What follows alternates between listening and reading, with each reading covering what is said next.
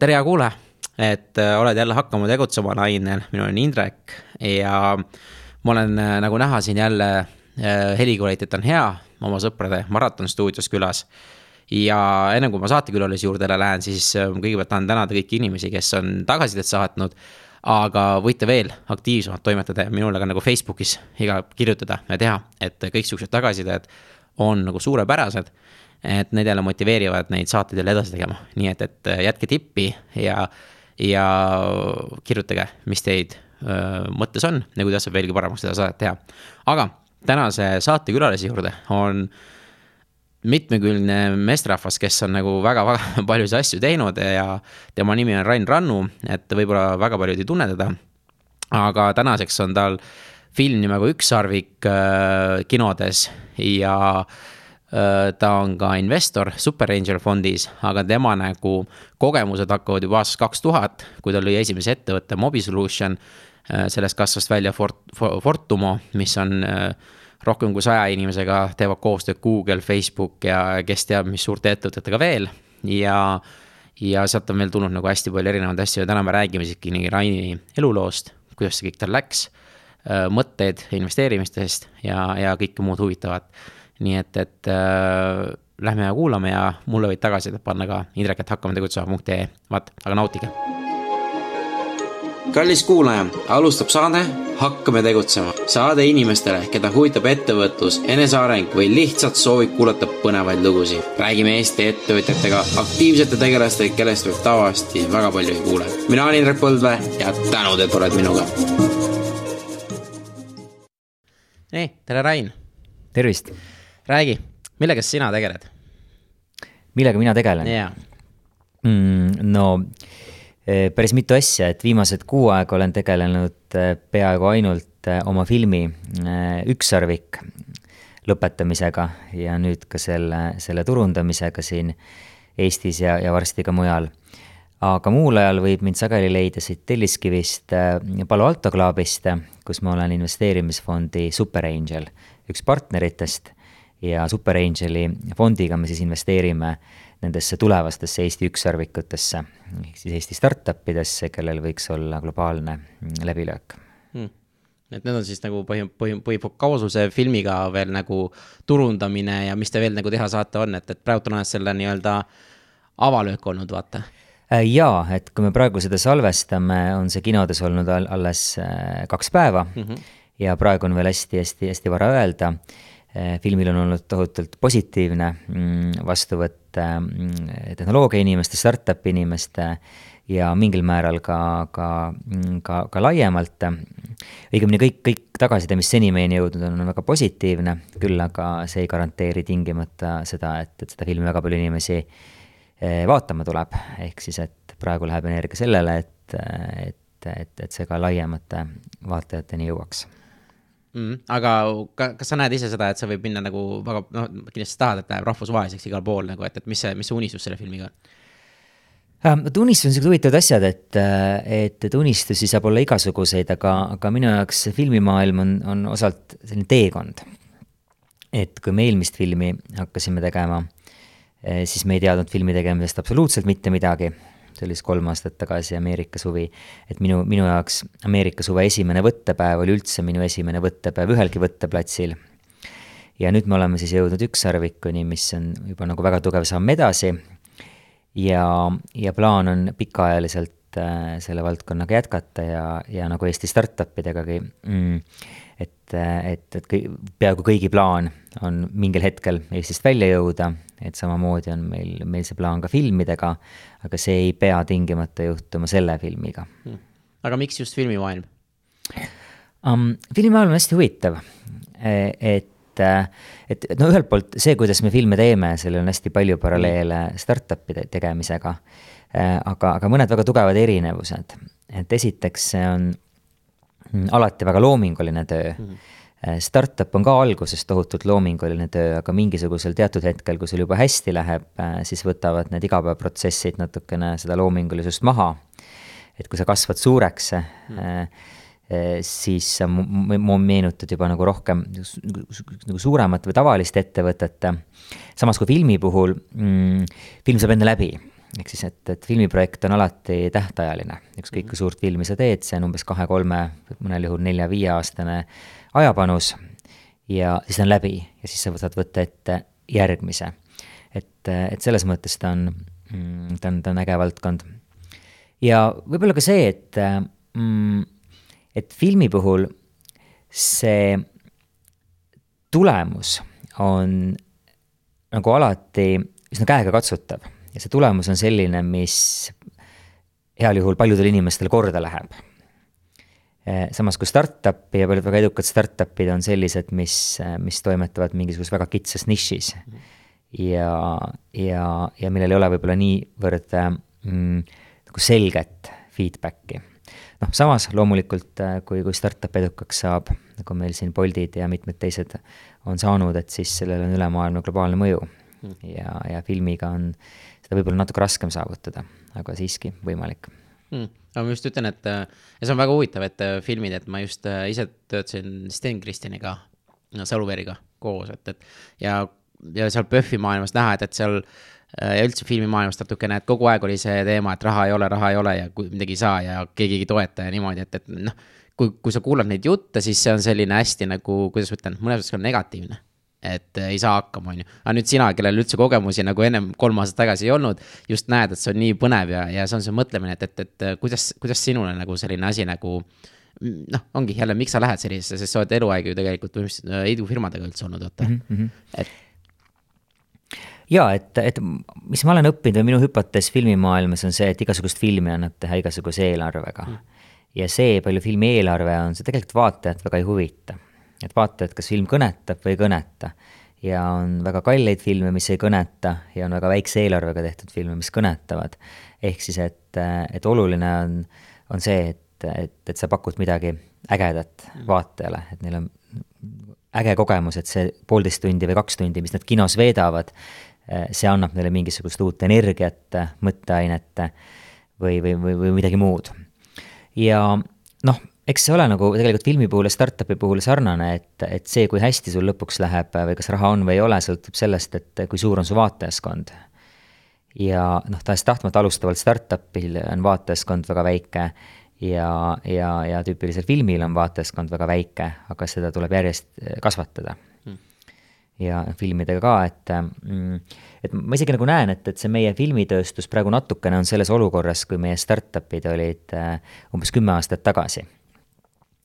Et, äh, et, et siis meil veel ei olnud olnud ühtegi edulugu mm., et kõige kõrgem asi, mis me olime saavutanud, oli see, et me olime suutnud teha rahvusvahelistele suurkorporatsioonidele nagu Ericsson allhanget. ja siis järsku tuli Skype ja siis kogu meie äh, expectation muutus ja me saime järsku aru, et Eestist on võimalik teha ise maailmatasemel tooteid ja peale seda Skype'i tulid siis Transferwise, Pipedrive, Fortum, Bolt ja paljud-paljud mm teised.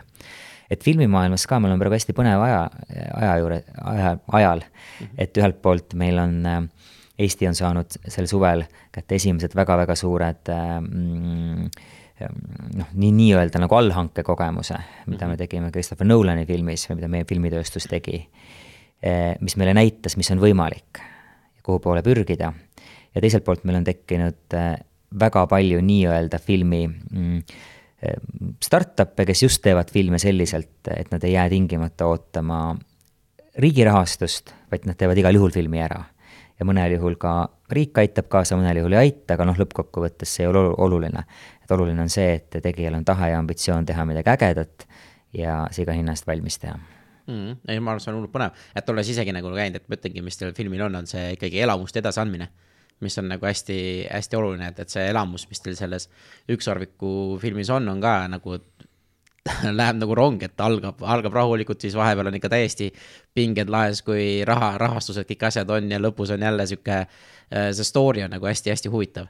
aga ma ütlen, minu jaoks nagu, olles ise ka natuke startup maailmas olnud, see on sihuke nagu äh, kuidas ütlen, ta oli natuke nagu pinnapealne just selles suhtes, et, et ilusad suured numbrid kõik käisid nagu hästi sihuke mõnusalt, aga teades seda nagu vaimset poolt, palju seal tegelikult seda läbipõlemisi neid on, aga ma arvan, et äh, laiemale publikule on selline film nagu suht ideaalne, et teada üldse aru, mis nagu, kuidas, mis üldse startup idest ja kõigest nagu mõelda. et ma, selles mõttes oli nagu super hea nagu ja, ja need äh, huumoripooled olid too väga hästi välja toodud, eriti, eriti just investorite pooled ja kuidas nagu arendajad töötavad, sellepärast et ma arvan, et, see film on nagu super hea, millega nagu meie seda äh, üldist publikut nagu, kuidas ma ütlen, tutvustada seda, mis, mis siin tehakse tegelikult üldse selles maailmas mm. -hmm. et sellepärast on nagu väga hästi see story nagu edasi antud, et, et minu poolt ka nagu väga äge nagu mm. -hmm. mul on hea meel, et meeldis. jaa, ei täiega, et sellepärast lahe et, et mulle, ma ütlen, et see on paljudele, et, et ma ütlen, see positiivne tagasiside on täiesti norm-, täiesti arusaadav selle puhul, et ma tõesti loodan, et siit tuleb äh,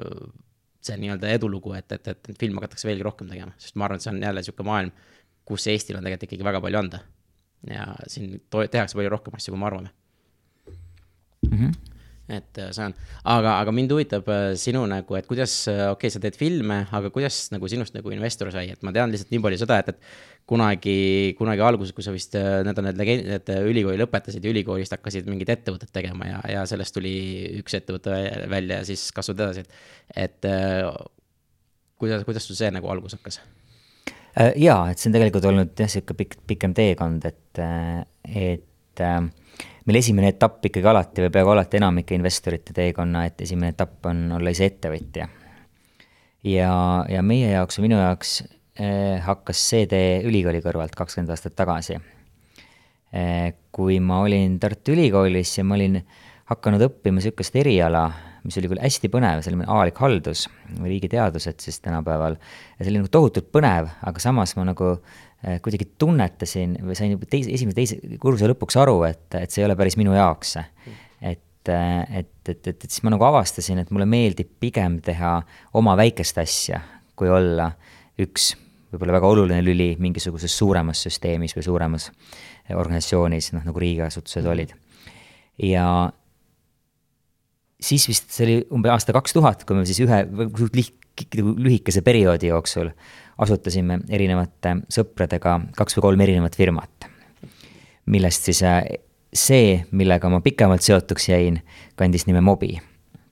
ja mm, Mobi alt me hakkasime siis pakkuma äh, mobiiliteenuseid või SMS teenuseid. ja, ja sellest siis kasvasid kõik, kõik ülejäänud asjad välja ja see Mobi kamp on meil siiamaani koos ja me teeme koos ettevõtteid ja, ja ja selles suhtes nagu, nagu on olnud päris nagu sa, ma sorry, ma võin, ma ütlen ette ka, et ma hakkan vahele segama siin, sinu jutu läht teinekord. et, äh, et just see, et, et see esiteks äh, ma toon välja, et see kamp üldse veel koos veel tänase päevani on kakskümmend aastat, see on minu meelest üks nagu väga uskumatu asi, mida ma kindlasti tahaks rääkida. aga teine on see, et, et mis sul oligi, sa ütlesid, et sa käisid avaliku halduse see jäi mul ka pooleli kusjuures TTÜ-s ma tegin lõpuni, aga noh, peab tunnistama, et tegelikult viimased paar aastat ülikoolist läksid ikkagi rohkem äh, ettevõtete arendamisele mm. et et äh, aga, aga ma tegin lõpuni äh, avaliku halduse, olen väga rahul, et tegin lõpuni. ja, ja, ja selles suhtes nagu ei, ei, ei saa kuuluda õnneks või kahjuks nende edukate ettevõtjate hulka nagu, nagu siin mm, Bill Gates ja Steve Jobs, kes on ülikoolist, ülikooli pooleli jätnud. no sa alati uuesti minna ja siis pooleli jätta aga, aga mind huvitab see, et kuidas sa leidsid selle, et, et sa said aru, et, et sa ei taha olla osa nagu sellest riigi selle või noh, suurest mutrist, aga tahad midagi ise väikest nagu teha, et, et ma ja noh, teades, kuidas sinu ettevõtted on arenenud, ei ole väiksed, vaata.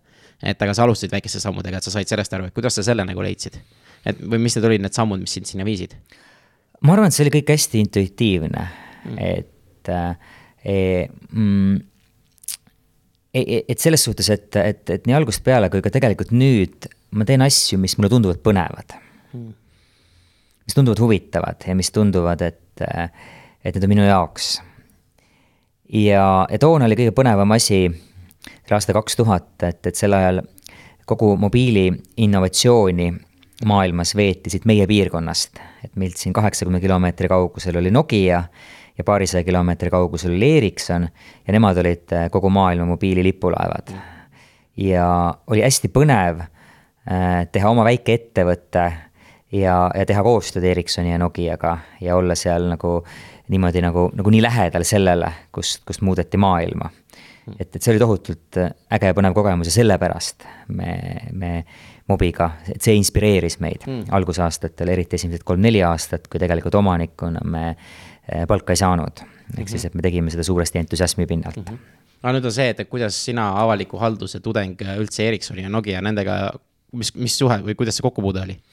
Äh, jaa, et võib-olla see algus oligi, et, et, et see algus oli meil, et kuidas üldse mobi kokku, kokku tuli mm, -hmm. oli võib-olla natuke ebatavaline, nimelt, nimelt mm, Tartu Ülikoolis oli tol hetkel üks sihuke eksperimentaalne kursus, mhm. mille eesmärk oli leida endale äriidee ja siis see ära teostada kursuse raames ja, ja toona see oli Eestis üsna, üsna uudne, sest tegelikult nagu õpetati, kuidas teha startup'i, aga see oli enne, kui keegi veel rääkis startup idest mm. -hmm. See oli, see oli väga palju enne. ja meie kooslus, kes seal tegelikult pooljuhuslikult või täiesti juhuslikult kokku sai, oli ainukene, kes oma idee ellu viis mm. ja see idee oli toona, see oli hästi rumal idee, et me tegime reklaamimängu mm. -hmm. ja see reklaamimäng nägi välja niimoodi, et, et inimene pani oma nime kirja ja talle helistati äh, ja mängiti ette reklaamklipp telefoni mm. -hmm. Ja peale reklaamklippi küsiti talt küsimus selle äh, klipi kohta, ta pidi valima, et äh, mis õige vastus on ja kui sa vastasid õigesti, siis sa võisid võita mingi toote. ja see toimus jõulude ja uusaasta vahel ja me helistasime inimestele ja kui inimene vastas sellele kõnele ja valis sealt midagi, siis talle helistati uuesti ja siis talle helistati veel kord ja veel kord ja veel kord ja mõned inimesed said siis jõulu ja uusaasta vahel kokku kümme-viisteist kõnet. ja meil oli seal paar tehnilist viga, nii et üks neist kõnedest tuli kell neli öösel. Et äh, see oli nagu tehniliselt väga lahe, aga me saime aru, et, äh, et muus mõttes on igati nagu halb teenus. et midagi sellist me ei taha edasi pakkuda ja me ei taha, et midagi sellist tekiks. Äh, küll aga me avastasime, et see meeskond töötab ülihästi koos ja meie järgmine teenus siis selle pinnalt oli juba, juba SMS-i põhine kui infoteenus mm. -hmm. ja siis me hakkasime tegema erinevaid SMS-teenuseid, millest hiljem arenes välja SMS-teenuste tegemise platvorm, kus igaüks sai teha endale SMS-teenuseid. ja sellest omakorda arenes välja Fortumo, mis oli, on siis meie sihuke nagu esimene globaalne startup, kus me võimaldame mobiilimakseid teha kõigil üle maailma ja nüüd Fortumas täna, tänaseks on arenenud välja väga edukas globaalne firma, kes teeb koostööd Spotify, Apple'i, Google'i, Facebooki, Amazoni ja paljude teistega hmm ja ma mõtlengi, et see jälle näitab seda, et, et sa kunagi ei tea, mis mingist asjast võib saada, vaata. et äh, tuleb lihtsalt proovida ja testida, et, et, et see, et, et te midagi nii suurt nagu üldse ehitate, ma arvan, siis, kui te alustasite, et oh, kuule, teeme SMS-i, see, see ei olnud üldse nagu mõtteski, mul on tunne mm. -hmm. et äh, me teeme mingi globaalset ettevõtet, et see on suht nagu null noh ma arvan küll jah, et, et, et sa vaata isegi ei tea, mida sa ei tea või sa ei tea, mis on võimalik. ja kui me siis alustasime, siis Eestis keegi väga startup idest midagi ei teadnud mm.. ja et, et see oli midagi kauget või midagi, mis juhtus kuskil kaugel Silicon Valley's. ja puudus igasugune side selle meie maailmaga, et, et me liikusime samm korraga. Mm. ja kuna meil olid too hetk lähedal noh, Nokia Ericsson ja siis loomulikult me, me vaatasime, et, et, et peaks midagi nendega koos tegema mm. ja nagu ikka nagu startup teeb, et, et, et, et sa võtad ühendust ja lihtsalt pakud välja midagi lahedat, põnevat, ägedat ja üsna sageli, mis avastasime, mis kehtib siiamaani, on see, et kui sa lähed väikse startup'ina suurfirma juurde ja sa pakud välja midagi uut, põnevat, ägedat, teistsugust mm, -hmm. siis on see tõenäosus, et suurfirma sinuga koostööd tahab teha väga suur, sest äh, suurfirmad just otsivad seda sädet, mida neil endal firma sees tingimata enam ei ole mm. -hmm. aga seal on ka see, et suurfirmadega lihtsalt neil on äh kuidas ma ütlen, et läbirääkimise ajad on väga, väga pikad, et see on jälle see, et, et sinul seda nii-öelda kapitali ei ole, et, et sinu, sinul on vaja saada mingisugust toitu lauale ja siis nad ütlevad, et oo oh, kuule, et kaheksa kuud läheb aega, et, et me saame seda asja teha ja siis läheb mingi muu asja taha, et, et seal on ka muud need kuidas ütlen, niisugused mõnusad väljakutsed, mis, millega pead nagu tegelema. absoluutselt. Ja isegi, et, et nad ei ütle, et sul läheb kaheksa kuud aega. aga lõpuks läheb, ehk siis, et seal on nii palju neid samme, protsesse ja ja, ja muid asju vahel, et ma mäletan umbes viisteist aastat tagasi, kui me esimest korda ühele, ühele Rootsi pangale hakkasime teenust pakkuma. et, et see teenus, mis me tahtsime pakkuda, selle me arendasime välja väga ruttu ja see oli super äge. aga selleks, et pank üldse seda kaaluks, oli vaja saada viieteistkümne erineva osakonna juhi nõusolekut. ja noh, loomulikult seda lõpuks ei tulnud, et ikka kuskil keegi leiab mm. mingisuguse põhjuse, miks mitte teha mm.. no mis te siis tegite? Um, too hetk äh, tegelikult ei teinudki midagi, aga, aga, aga, aga sisemiselt me saime aru, et väikse firmana on riskant-, riskantne ehitada ärimudelit, kus sa sõltud suurtest mm.. olgu see suur siis, kõige hullemal juhul see suur on, on riik, mille puhul otsustusmehhanismid on täiesti mm, arusaamatud mm, -hmm. aga ka suur korporatsioon. ehk siis ideaalis sa peaks tegema sellise toote, mis võib saada edukaks ilma selleta, et mõni suurfirma selle ära ostab. Ja kui mõni suurfirma selle ära ostab, see on niisugune tore boonus. Hmm.. et siis tuleb mõelda ongi, et, et sihtturg on nagu SMI-d nii-öelda. jah, et väiksele ettevõttele on, on palju lihtsam müüa kui väga suurele ettevõttele. Ja eriti siit Eestist, kus meie firmad kõik ongi siin tegelikult ju nagu kas väga väiksed, väiksed või keskmised, meil ei ole tegelikult ühtegi suurettevõtet. ja Eestis teha tooteid, mis on mõeldud väga suurtele firmadele, on, on ülimalt keeruline, vähemalt siis oli eriti keeruline mm.. ja nüüd me oleme võib-olla natukene õppinud seda, et, et kuidas teha toodet, mille Google ostab või mille Amazon ostab. aga see on olnud väga pikaajaline protsess, et sealt alustada värske startup'ina mm -hmm. on pigem jah, keeruline.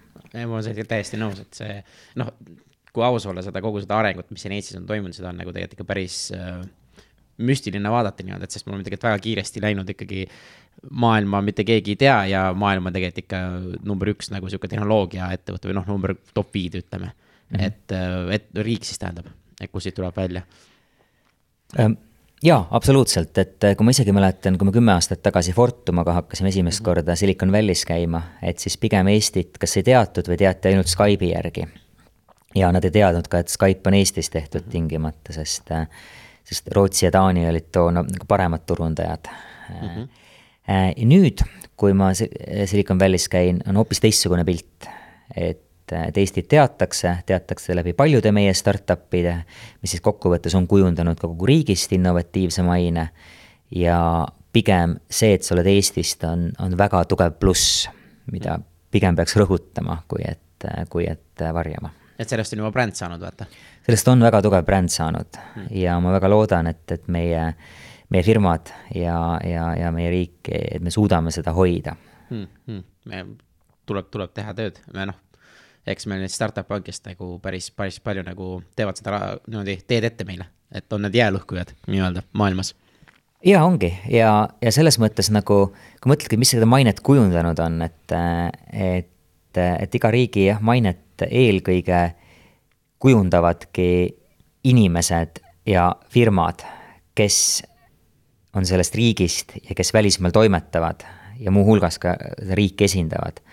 et et, et, selline inimeste, firmade tegevus on oluliselt palju efektiivsem kui lihtsalt see, kui, kui mingi riik ostab näiteks reklaamtahvleid kuskil teises riigis, et, et meil on äge riik. et, et palju suurem mõju on, on konkreetsetel inimestel, firmadel ja tegevustel hmm,. ja, ja see on jah, ja, ja tuleb ju meie sportlased ja kõik, kes, kes, kes teevad nagu ka vägitegevusi, et äh, seda on nagu äge näha.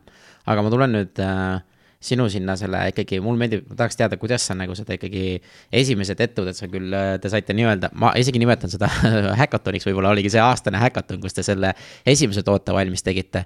et te nägite, see meeskond töötas hästi ja siis te mõtlesite lihtsalt, kuule, et teeme uue ettevõtte või. ja kas, kas te olite ise nagu ettevõtjad või te ei olnud, et, et oli teil mingi eeskuju ka või lihtsalt mõtlesite, kuule, proovi, teeme, et meil midagi niikuinii paremat teha ei ole või kuidas see mõtlemine tol ajal nagu sul oli, kui mäletad mm? -hmm. tol ajal kindlasti äh nagu ma ütlesin, et põhi, põhi sihuke tõmbejõud oli, oli see, et see oli põnev, aga noh, loomulikult lisaks me nägime, et seal võiks olla ka mingisugune potentsiaal mm. -hmm.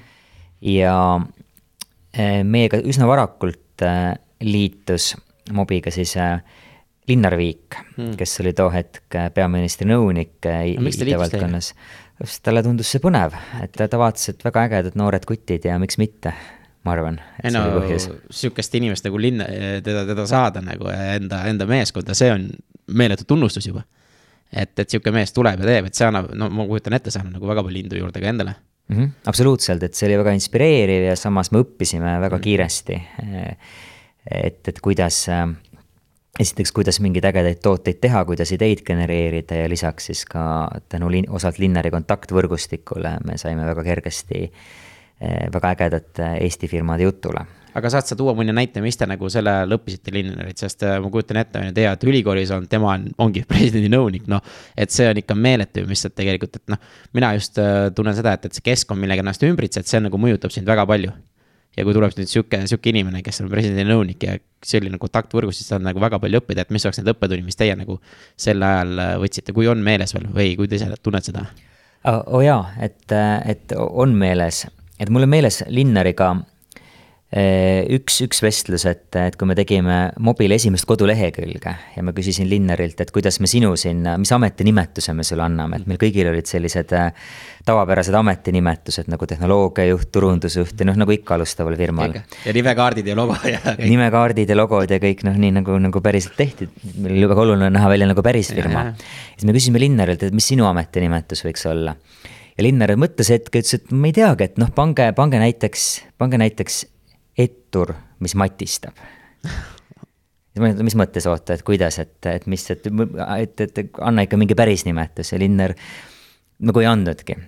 aga noh, tegelikult see suhtumine, et, et kõige parem on olla ettur, mis matistab, ehk siis, et äh, vähe lubada ja palju deliverdada või teha palju suuremaid asju, kui sinult oodatakse. et see oli see õppetund, äh, mis, äh, mis mul kõige rohkem tuli, et, et kõik on võimalik, et lage ei ole. Ja lõppkokkuvõttes see, kus sa jõuad, on suuresti sinu kujutlusvõime ja sinu enda töö tulemus. Mm, ja, ja näha on, et, et sellest äh, kau-, äh, et noh, mis sellest mobist oligi, kaua te mobit tegite, et enne kui teil tuli mõte, et kuule, nüüd hakkame Fortumat tegema? Äh, see oli samm-sammuline, et, et nagu ma rääkisin, et mobiga me alustasime aastal kaks tuhat ja, ja umbes nii kahe tuhande neljandal aastal me jõudsime mobiga siis nagu sellisesse punkti, kus me olime piisavalt edukad, et me saime hakata endale palka maksma. Hmm.. ja üsna varsti peale seda, kaks tuhat viis olime selles punktis, kus meil jäi isegi natuke raha üle, et me saime dividende maksta. Ja see oli see punkt, kus, kus ma mäletan, oli esimest korda see tunne, et et, et üliäge, et see, mida me siin viis aastat oleme teinud, et see ei ole lihtsalt selline põnev hobi, vaid see on tegelikult ka mingisugune äri või äraelamise võimalus ja noh, siis tekkisidki need, ma arvan, et see oli see hetk, kus tekkisid meil ka sellised laiemad ambitsioonid, et, et mis oleks, kui me nüüd üritaks Eestist välja jõuda ja minna kuhugi, kuhugi, kuhugi teise riiki. aga kuidas te neli aastat hakkama saite, et sellepärast ma kujutan ette, kui te endale palka ka maksta ei saanud, et, et kui palju tuli neid elukordi, kuule, kas me üldse jätkame, kas me üldse teeme või ku, kuidas sa üldse söögilauale saad, noh? Mhm, ma arvan, meil kõigil oli natuke erinev, et mõned tegid, käisid ka tööl mm. äh, tarkvarafirmas või, või kuskil mujal äh,. ma ise mm, oli noh, jah, et, et eks ikka aeg-ajalt oli ka projekte või teisi projekte, mis siis nagu raha tõid mm.. Aga, aga jah, et, et noh, üldiselt see mentaliteet või see mõtteviis toona oli see, et tudengitena, et sul nagu teab, mis noh, pole ka palju vaja mm. -hmm. Et, et sul on õppelaen, sul ei ole majalaenu, sul ei ole autoliisingut ja need kulud on, millega hakkama saab minimaalselt, on tegelikult päris väikesed aga noh, korduvalt tuli muidugi ette, ette selliseid hetki, kui, kui oli vaja Tallinnast, Tartust, me olime Tartus siis, et Tartust Tallinnasse kliendiga kohtuma sõita ja ei olnud raha, et bensiini osta. või ei olnud raha, et bussipiletit osta.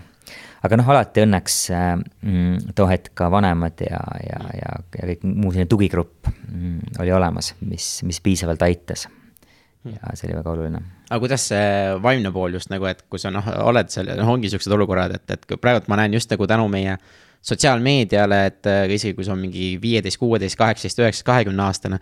ja nad vaatavad, oo kuule, ma ei ole elus mitte midagi saavutanud, et äh, täitsa pekkis, et, et ma ei saagi kaks tuhat euri palka, on ju, ja, ja ma ei tea, mida täpselt teha, et kõik need siuksed mured on, vaata, või kõik teised lähevad äh, Äh, kiiremini ees, et nad alati võrdlevad ennast kellegi teisega, vaata, et äh, kui minul on mingisugune kümme tuhat äh, näiteks follower'i, nad võtavad keegi USA-s, kellel on kaks miljonit ja näe, mina ei ole nii hea. et noh, siis meil ei olnud seda, aga ma pakun välja, et ikka on see, et kes, kes on natuke edukamad või kuidas see nagu mindset'i pool on, et näe, mul ei ole isegi raha, et osta bussipiletit, vaata, ja teised, teised sõidavad autodega, et kas sihukest mm, -hmm. sihukest nagu poolt?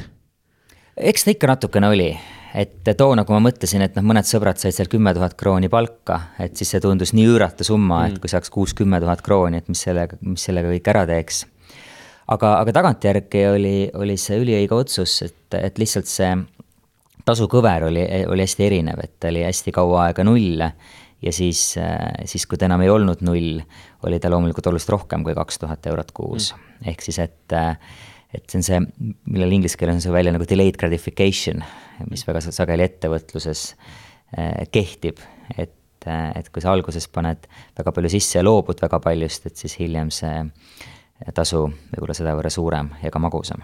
aga me keegi ei mõtle selle peale, ma, ma näen, et tänapäeval on just see, et, et inimesed elavad lühiajaliselt et ongi, et kui ma täna hakkan ühte asja tegema, ülehomme tulemust ei näe, siis asi on pekkis, et siis ei tasugi teha vist, on ju, et.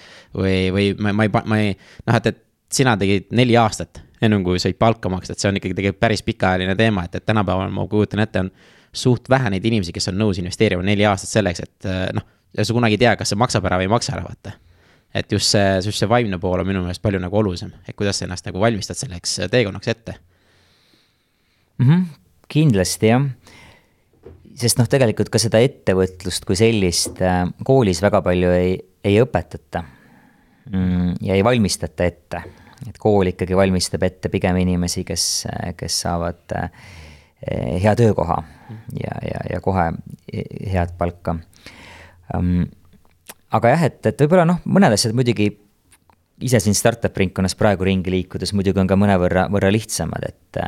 et ma tean väga vähe startup'e, kes praegu alustavad, kes, kõik, kes neli aastat toimetavad ilma, et neil oleks mm, mingisugustki tasu, et, et üldiselt see investorite community, mis meil siin juba tekkinud on, mis, mida siis ei olnud, kindlasti aitab. Mm ja noh, lõppkokkuvõttes võib-olla see maailm liigub ka natukene kiiremini ikkagi, et, et kui sa teed midagi neli aastat või nagu sa teed midagi aasta-kaks ja see nagu, nagu üldse ei lenda, et siis sa ilmselt võib-olla muudad oluliselt kiiremini seda valdkonda, seda, mis sa teed. Hmm.. et, et toona nagu, nagu võib-olla, ma ei tea, võib-olla praegu tundub nii, aga, aga, aga võib-olla toona liikus kõik veidi aeglasemalt.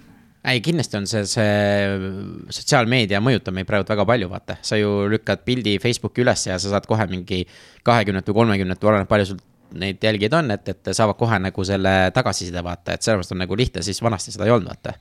meil oli Orkut vist kunagi, et, et see, see läks ka kinni vist või ma ei mäleta, mis, mis siis oli, et siis sa loomulikult, et noh, sellest ma, valideerimine on kiirem aga see vaimne pool on ikkagi sihuke, et meil on väga palju, mis mina näen ka oma nendes asjades, väga palju kahtlemisi endas et kas see on liiga ilus, kas me nüüd paneme, kas ma ikka teen seda, kas ma ikka ei tee seda, kas ma ikka mhm. lähen niimoodi. et sihukest kahtlust on olnud palju. see on võib-olla ka natuke selle ühiskonna nagu arengufaasi hetk ka, et, et, et, et mida me toona tunnetasin, oli ka see, et, et, et siis oli ka Eesti vahe selliste nii-öelda edukate Lääne-Euroopa riikidega elatustasemelt päris suur. ja kuna meil need palgad noh, üleüldse ei olnud väga kõrged, et kümme tuhat krooni oli, mis siis praegu on kuussada eurot, oli ikka väga-väga kõrge palk mm. -hmm. ehk siis, et tegelikult ka see alternatiiv ei olnud nüüd nagu teab mis kõrge. E, et samas, kui, kui siin Šveitsis või Saksamaal või Soomes, Rootsis isegi, et, et see alternatiiv saada kas head palka mingisuguses suures firmas nagu, nagu Nokia või Ericsson mhm. versus, et ma loobun sellest kõigest ja teen oma startup'i ja teen oma firma ja ei saa palka, et see, need käärid olid väga suured. aga, aga Eestis nad võib-olla toona veel ei olnud nii suured, nüüd mm. nad on loomulikult märksa suuremad ja ei, kindlasti, et see on, aga no ongi, noh, ongi sinul, sinul tasus ära peale viiendat aastat, kui sa mobid nagu tegid, on ju. Ja siis, mis siis, mis siis tunne oli, kui sa jäigi raha hakkas nagu üle jääma, et mis, mis sa, mis, mis sa tegema hakkasid? väga äge tunne oli emotsionaalselt ja psühholoogiliselt. aga noh, siis tekkis see ambitsioon, et nüüd tahaks rohkem. aa, järgmist ja, mäge vallutada nii-öelda. jah, ses mõttes just, et, et mingi uus väljakutse ja loomulikult nagu Eesti firmad ikka tol ajal, aastal kaks tuhat viis et kui välismaale minna, siis sa lähed Lätti, sa lähed Leetu. ja noh, otse loomulikult ka meie jaoks olid need esimesed sihtturud ja, ja siis me järgmised paar aastat müttasime nendel turgudel ja proovisime seal kanda kinnitada. ja kuidas see õnnestus? nii ja naa. et, et midagi me seal kahtlemata saavutasime, aga, aga see energia, mis sinna sisse läks ja see tulemus tegelikult nagu lõpuni ei olnud, olnud vastuolus mm., ei olnud nagu kooskõlas um,. ja alles hiljem me saime tegelikult aru, et um,, et see, et me läksime Lätti ja Leetu, olid mõneti tingitud sellest, et kõik läksid ja selline mugavus ja nad mm. olid justkui nagu lähedal. aga tegelikult Lätti minemine mingi toote või teenusega ei ole oluliselt kergem kui mõnele teisele suuremale turule minemine ja võib-olla ta on isegi raskem kui mõnele ingliskeelsele turule minemine, sest inglise keelt sa oskad ise, saad aru, läti keelt ei oska, et sul on kindlasti vaja kohalikke. ehk siis, et et kui nüüd midagi uuesti teha, et, et siis, mhm. siis pigem Lätti ja Leetu ei läheks kohe esimesena, et sinna võib ka minna, aga, aga võib-olla nagu, nagu loomulikult muu käigus mm. -hmm. et siis äh, okei okay,, tuleb mõelda rohkem nagu globaalsemalt, et äh, Baltikum ei ole globaalne, et see on toredad riigid, aga vaata suuremaid sihte nii-öelda, ingliskeelseid turge um,. jah, sõltub nagu tootest, et mm, -hmm. et, et kui sul on mingisugune toode mm, või teenus siis tasub mõelda, et mis on maailmas kõige parem koht selle konkreetse toote või teenuse jaoks.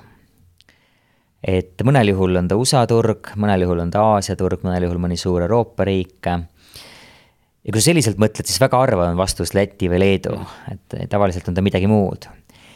ja siis, kui sa mõtled talle, mis see kõige parem koht on, siis küsid, et miks mitte kohe sinna minna ja kui on mingi väga hea põhjus, miks mitte kohe sinna minna, et on vaja mingeid vahesamme mm, -hmm. et siis on okei okay ka need vahesammud teha.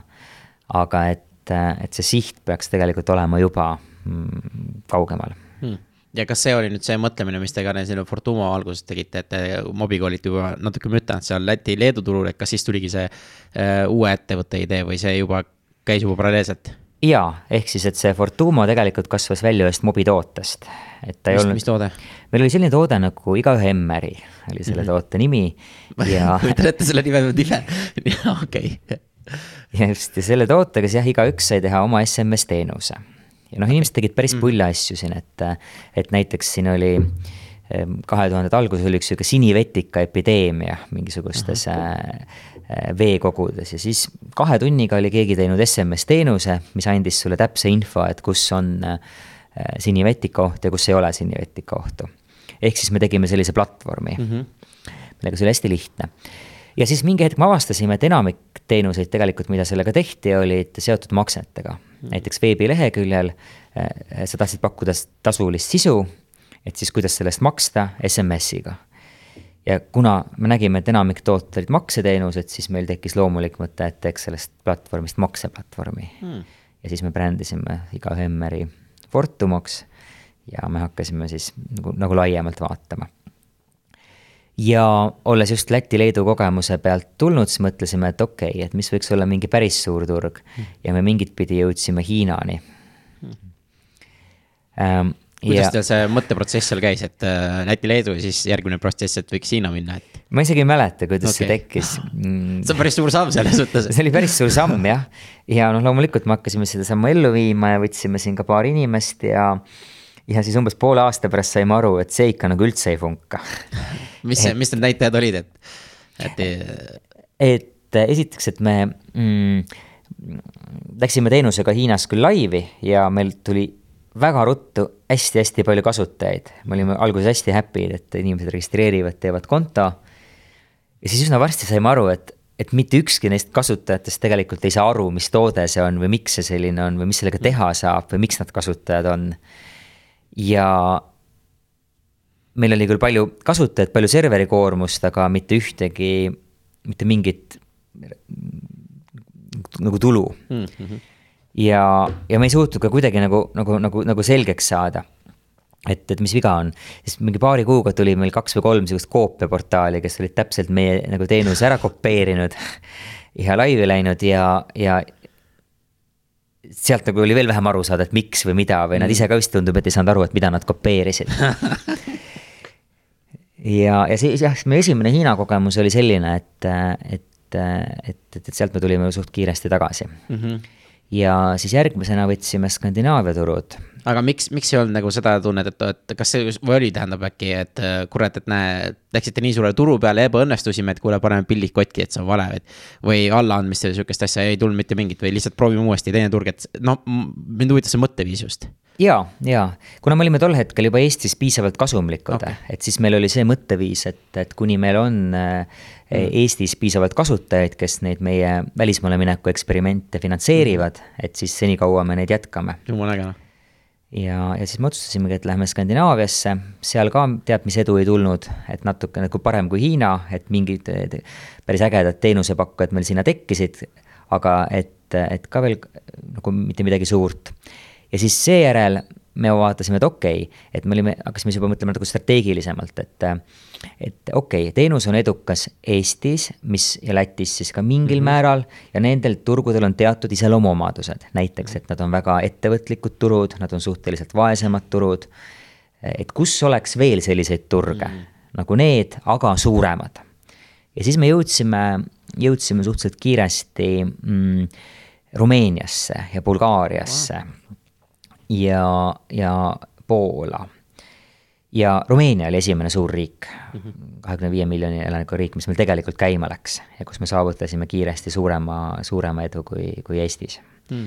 ja siis me saime juba aru, õppisime selle pealt, et mis seal ta täpselt käima tõmbas ja siis liikusime edasi järgmisi riike mööda, alguses sarnasemaid riike, hiljem tekkis julgus ka juba erinevaid riike proovida ja praeguseks siis Fortuma teenus on, on avatud umbes sajas riigis. aga kuidas te alguses need üldse riikidesse sisenesite, et, et, et kuida-, siis ei olnud ju sotsiaalmeedia üldse nii suur ja ma ei kujuta, ma üldse ei kujuta ette, kuidas see võis käia. Jah, esimeste riikidega me lendasime koha peale ja me üldiselt, üldjuhul palkasime kohaliku inimese. Mm ja mäletan, kuidas see Rumeenias välja nägi. Et, et see oli suvel äh, ja, ja me olime just lennanud ja meil kohvrid olid läinud, äh, läinud äh, kaduma, nii et nad tulid kaks päeva hiljem. ja siis ainsad riietused, mis meil olid, oli mingi suvaline T-särk ja lühikesed püksid ja siis me pidasime seal kohaliku äh, hotelli lobis neid tööintervjuusid ja meil tulid vastu järjest ülikondades inimesed. ja kõige esimene reaktsioon oli, et wow, you are from Estonia, this must be like so startup country, like you go in shorts and t-shirt to startup me-, to those meetings. Wow, I m impressed.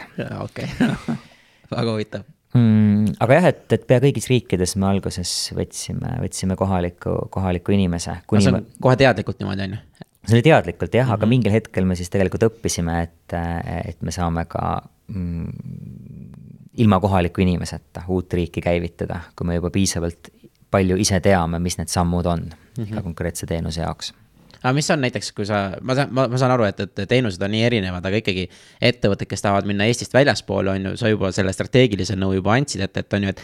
et kus on veel äh, sellised turud, et äh, nagu ainult suuremad on ju, kus kasutajad, kasutajad tegutsevad niimoodi.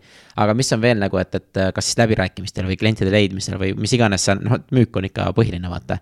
või mis on mingid soovitused, mida sa saad anda nagu ettevõtjatele ja edasi, et äh, tähele panna ma arvan, kõige esimene soovitus on, et, et hakka pihta ja tee seda lihtsalt ja, ja see on see mentaliteet, mida me üritame läbi nende Garage neljakümne kaheksa häkatonid mm. väga tugevalt levitada.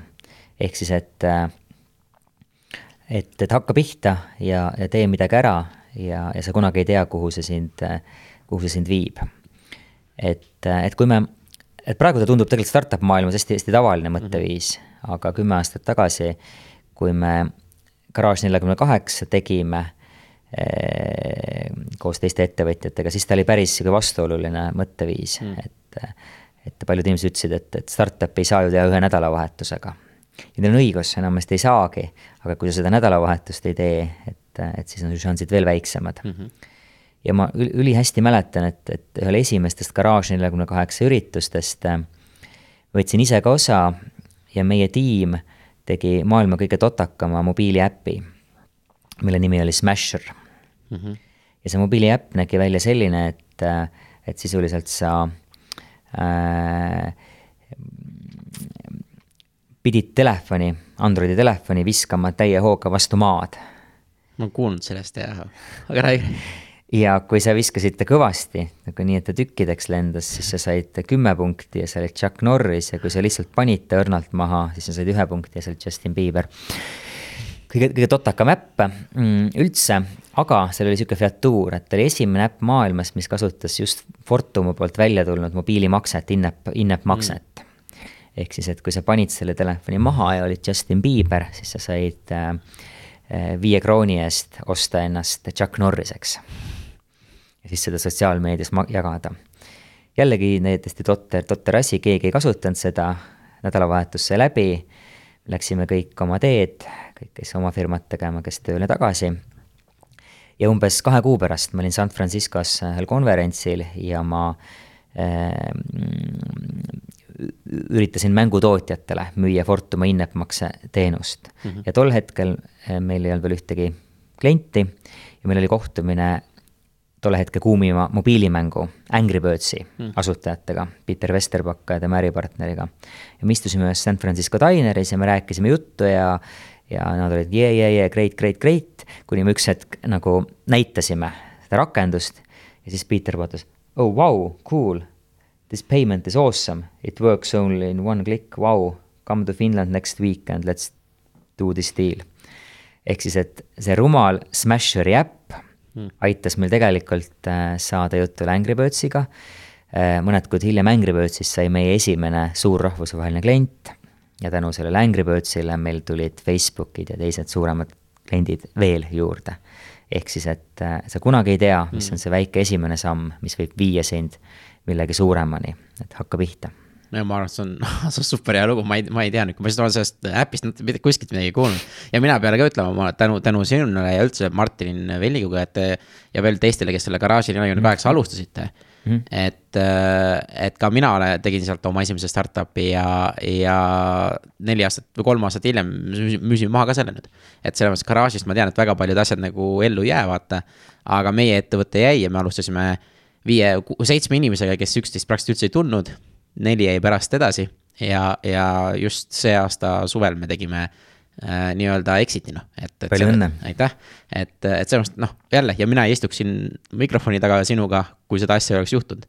et äh, kõik on nagu jälle garaažist ja sellest ja kõik, kuidas need asjad nagu lähevad, et see on nagu üliäge nagu vaata see teekond et, et aitäh selle eest igatahes, et seda ma ütlen. ja ma ütlen, need, need seosed on äh, väga põnevad, mis nagu, mis nagu juhtub aga ütle, kui kaua sa nagu Fortumut äh, siis tegid ja, ja mis need järgmised sammud olid, et äh, teades sinuga seda natukene investeerimistausta, et sa just ei pane just kõige, kuidas ütlen, äh, mööda just investeeringutes ka väga palju? Noh, seda me ei tea. Noh, hetkel, nii palju kui mina. aga, aga jaa, et, et Fortumo siis, me alustasime Fortumoga aastal kaks tuhat seitse siis umbes kaks tuhat üheksa, kaks tuhat kümme me jõudsime sellesse faasi, kus, kus meil hakkas rahvusvaheliselt äh, hästi minema e,. siis peale seda vahetult ma kolisin ise paariks aastaks äh, San Franciscosse, Fortumut äh, mm. seal müüa, kuna me mingil hetkel avastasime, et, et kuna meie põhilised kliendid tol hetkel olid mängutootjad nagu Angry Birds siis Angry Birds on küll Soomes, aga enamik äh, maailma suurimaid mängutootjaid on selle ühe kitsa riba peal, mis on siin ülevalt Seattle, äh, keskel San Francisco ja all Los Angeles, ehk siis USA läänerannikul. ja oli, oli hästi, äh, hästi mõistlik seal kohal olla teeme siin pisikese pausi, et tänada tänase saate sponsorit, kelleks on LinkedIn koolitused.ee ja LinkedIn on maailma suurim ärivõrgustik, kus on kolmsada viiskümmend miljonit aktiivset kasutajat iga kuu. ja LinkedIn koolitused aitavad teie, teil ja teie ettevõttel kasvada rahvusvaheliseks. õpetame, kuidas leida uusi kliente, partnereid, töölisi ja brändi äh, arendada ja uuest nädalast läheb ka tööle podcast LinkedIn tips and tricks, et kuulake seda ja need saated leiate kõik LinkedIn koolitused.ee, aitäh ja läheme saate juurde.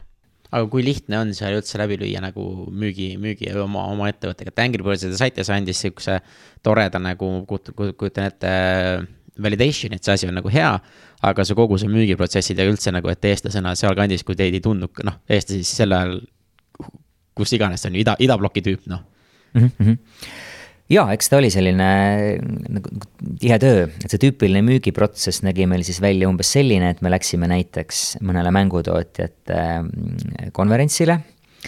me kuulasime ettekandeid ja ettekande lõpus äh, lähenesime esinejale ja tegime sihukese kiire kümne, kahekümne, kolmekümne sekundise elevator pitch'i.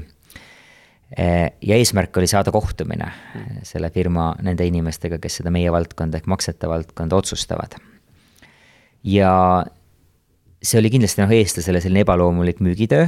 Et me ei ole harjunud ju väga, väga, väga, me too hetk ei olnud väga harjunud ennast, ennast müüma. et meil sihuke rahvuslik kujutelm, mis õnneks ka nüüd on hakanud natuke üle, üle minema, aga toona meil oli sihuke kujutelm, et eestlane ei ole ju hea müügimees. Mm -hmm.. noh, tegelikult äh, ega seal väga palju põhjuste või tõepõhja all ei ole, et põhjus, miks meil see kujutelm oli tekkinud, oli see, et meil ei olnud veel piisavalt müügikogemust. Mm. -hmm et, et sul tüüpiline Silicon Valley müügimees võib olla müünud kakskümmend aastat ja loomulikult tal on tugevam kontaktvõrgustik ja tugevam põhi all. aga ei ole loomulikult loomust mitte midagi eestlasest sellist, miks me ei võiks, võiks sinna jõuda. Ja noh, nüüd me olemegi sinna jõudnud, kõik meie startup'id on täis ülihäid founder eid, kes kõik firmat välismaal edukalt müüvad no vot, aga, aga toona jah, meie protsess oli siis see, et me lihtsalt lähenesime kõigepealt üritustel esinejatele, kes meid loodetavasti viisid järgmise inimeseni, kes siis viis järgmise ja järgmiseni, kuni me lõpuks saime õige inimesega laua taha ja siis äh, saime juba lähemalt oma toodet tutvustada. ja noh, mõnel juhul äh, kohe esimene lähenemine ei õnnestunud, et siis ma mäletan, et ühele härrale me lähenesime vist viiel või kuuel või seitsmel üritusel järjest ja kokteiliõhtutel ja kuna meile tundus, et on täpselt õige inimene. ja iga kord tal oli mingi põhjus, miks ta ei saa ja miks ta ei taha ja see ei ole tema asi ja tema ei otsusta ja nii edasi ja nii edasi.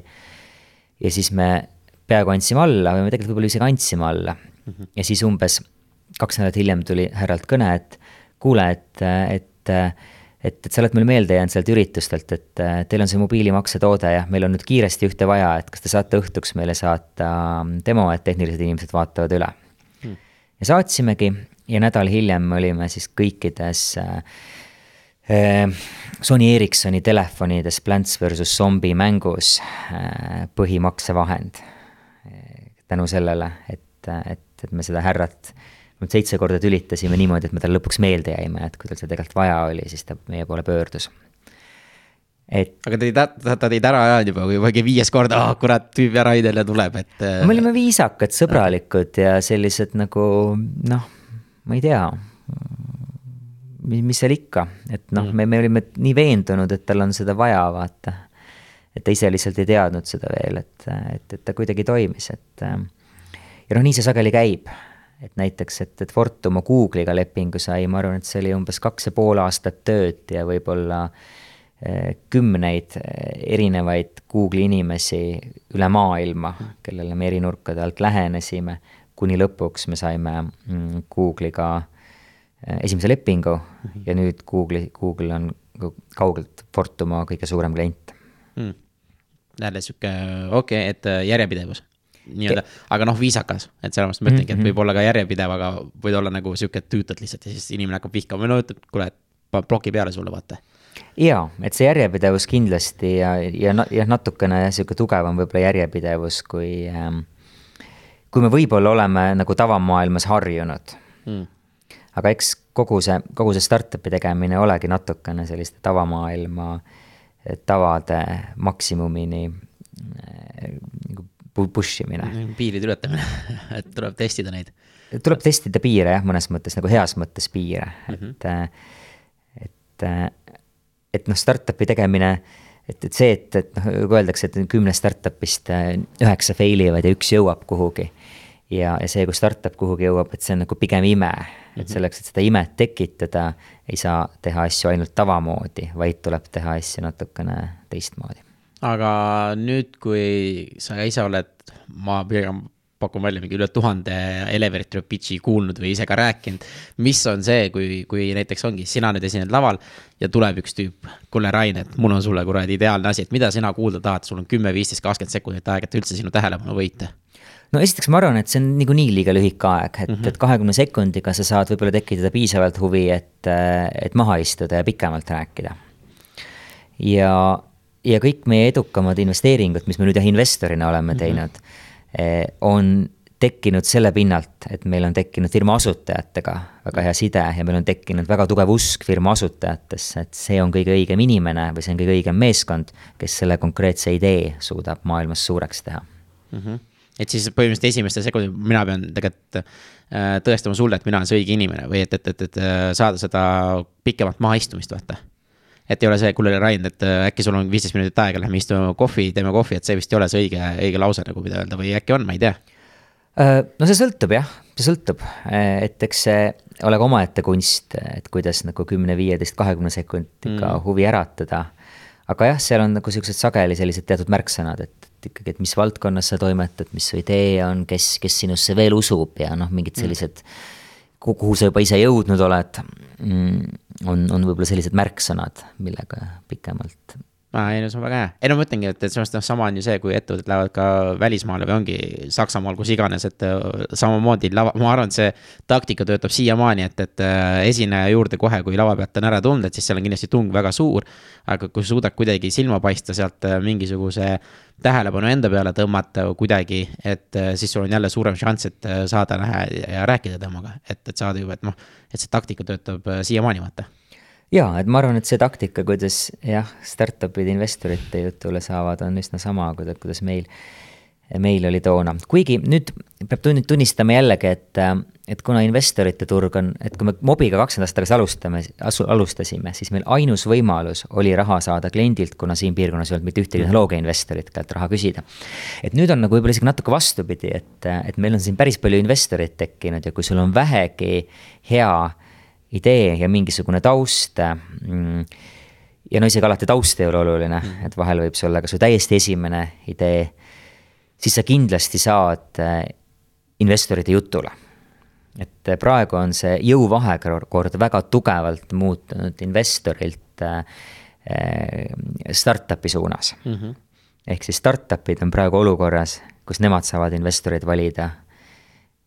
kui sul kümme või kakskümmend aastat tagasi oli olukord, kus investor pidi valima startup'i. ja, ja ma mäletan neid lugusid, et kraabid head ust, et saada kümme tuhat eurot kokku või, või midagi sihukest, et see on, noh, ei ole üldse lihtne.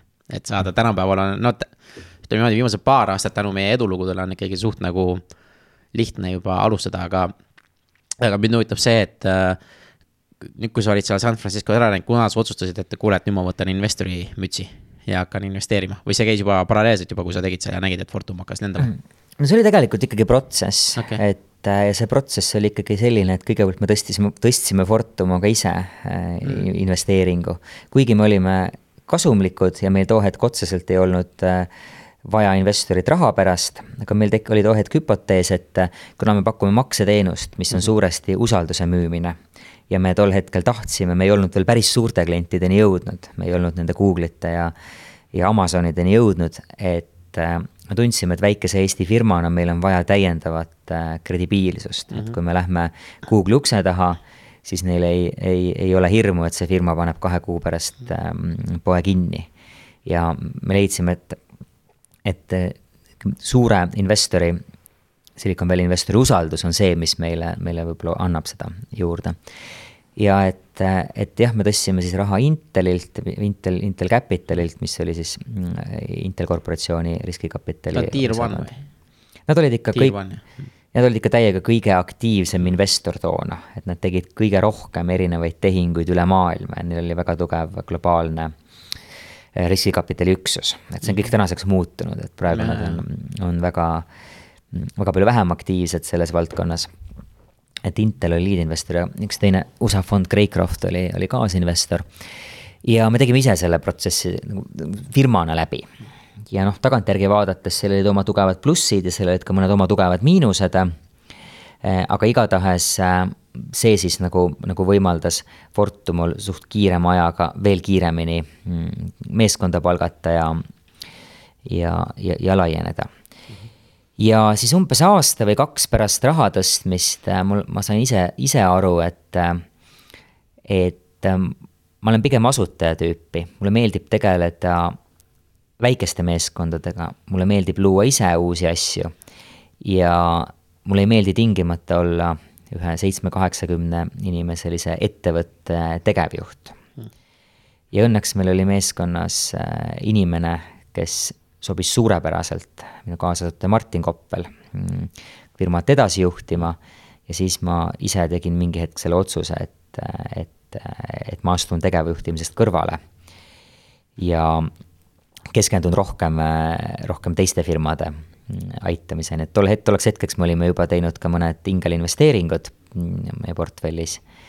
Ja, ja võib-olla isegi nagu rohkem kui ühe käe sõrmedel ja siis tekkis see, see tunnetus, et et, et praeguses või tolles elufaasis oleks huvitavam äh, aidata alustavamatel startup idel jõuda mingisugusele tasemele, kui et juhtida ise startup'i. Hmm.. et aga ma mõtlen kogu sinu selles äh, loos, mis me oleme siit nagu teinud, see kahe tuhande algust, et mul, minule just nagu hästi hullult meeldib, et kogu aeg on olnud sinu, sinu, sinu enda pidev isiklik areng et alguses teed neli aastat mingit äh, väikest ettevõtet, viiendal läheb juba kasumlikuks, siis hakkab väike maailma vallutamine, eksperimendid erinevatel riikidel, turgudel, siis juba teeme nagu uue ettevõtte hoopis teise nagu sellise äh, mõttelaadiga, et, et lähme ainult suurriikidesse, et, et, et selles mõttes nagu ja siis ise, ise kolid nagu suurriiki ja siis hakkad investoriteks, et sihuke mõnus selline. noh, kuidas ma ütlen, see on kõik pikaajaline töö, noh, ma ütlen, see on viisteist, kakskümmend aastat. aga see on sihuke mõnus kulgemine, noh, et, et ma tean, et seal on väga palju keerulisi hetki olnud, aga lihtsalt praegu ta tundub, et on sihuke nagu mõnus kulgemine olnud, vaata, et sihuke loomulik nagu Raini, Raini areng, vaata. et kuidas, kuidas see läheb, et seda on nagu hästi põnev nagu kuulda ma loen siin tweet'e jah, mingisuguse selle maailma kohta, et siis siin keegi naljaga pooleks ütles, et et see on jah, loomulik sihuke areng on see, et sa teed oma firma, siis müüd selle maha, siis hakkad investoriks ja siis teed oma jooga äppi ja siis lähed üldse kuhugi kaugele mediteerima ära.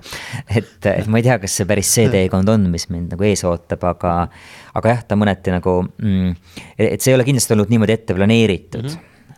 aga ta on, ta on, ta on, ta on niimoodi juhtunud et ta ongi, ta kuulge, ta lähebki täpselt siukseks, nagu sa ise nagu, mis, mis, mis selle, ma jälle, ma arvan, et millegipärast, et siin on ka väga-väga tugev keskkond mõjutanud. et kus keskkonna, kus keskkonnas ise nagu kõige rohkem nagu viibid ja, ja kellega sa nagu suhtled, et ma arvan, mingi aeg sa suhtlesid rohkem ettevõtjatega, praegu sa oled hakanud rohkem nii-öelda investoritega, samas ka nagu alustavate ettevõtetega nagu suhtled, et, et siis nagu need rollid ka lähevad teist, teiseks, on minu eeldus.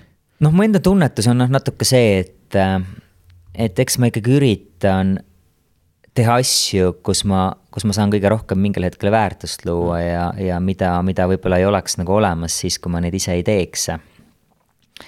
et, et Fortumas ma tol hetkel tundsin, et, et see firma on juba nii tugeval äh, nagu pinnasel, et kui ma siit ära lähen, et siis tegelikult väga palju ei muutuks, et firma edu jätkub. ja samas too hetk veel ei olnud Eestis ka veel nii tugevat investorite community't äh, tekkinud, kui praegu on kui me tegime oma esimesed ingelinvesteeringud mm.. Et, äh, et jah, ma arvan, et, et, et, et see on pigem nagu selle järgi, et mulle väga meeldib varase faasi ettevõtjatega koos olla ja mul on, annab väga tugeva eh, positiivse energialaengu see, kui ma saan mõnele firmale olla kasulik. ja see, mis ma neile ütlen või soovitan või lihtsalt vahel nad leiavad minuga rääkides ise selle üles, et ei peagi midagi soovitama, et ma lihtsalt nagu peegeldan neile nende endi mõtteid tagasi, see on kõik nende sees olemas. aga mul on väga tugev positiivne laeng see, kui mõni firma saab sellest julgust juurde, et minna eh, esimesele välisturule või teha mingisuguse suure sammu oma arengus.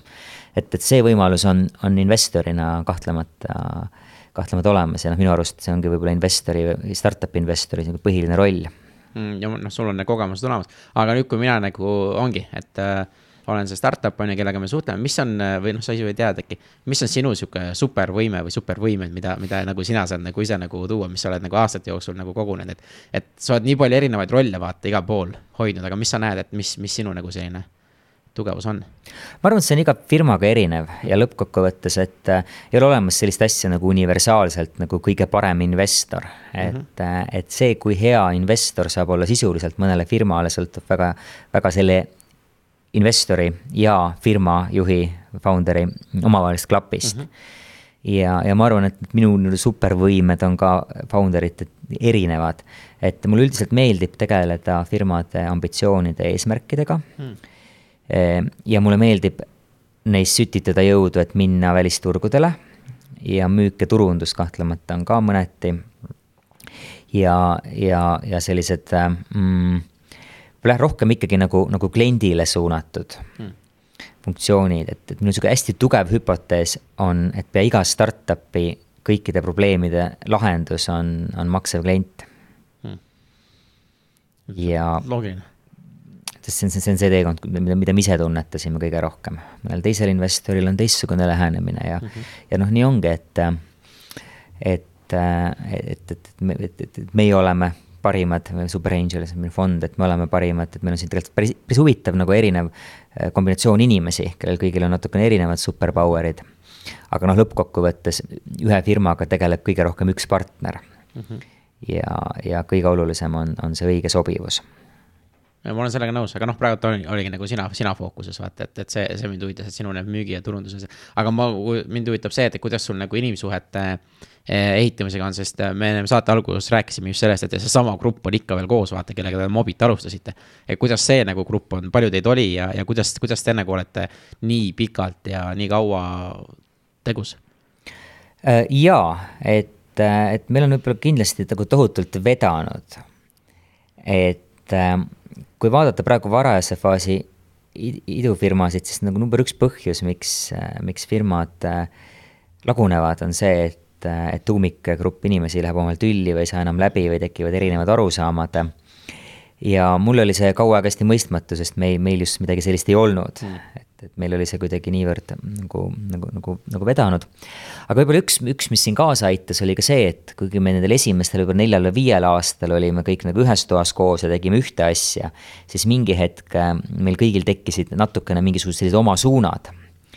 ja, ja mina hakkasin tegelema Fortumoga ja meil siin teised inimesed hakkasid tegelema nagu äri, äri teiste osadega ja lõpuks äh, pea, pea igaüks meist juhib praegu ühte meie grupi firmat.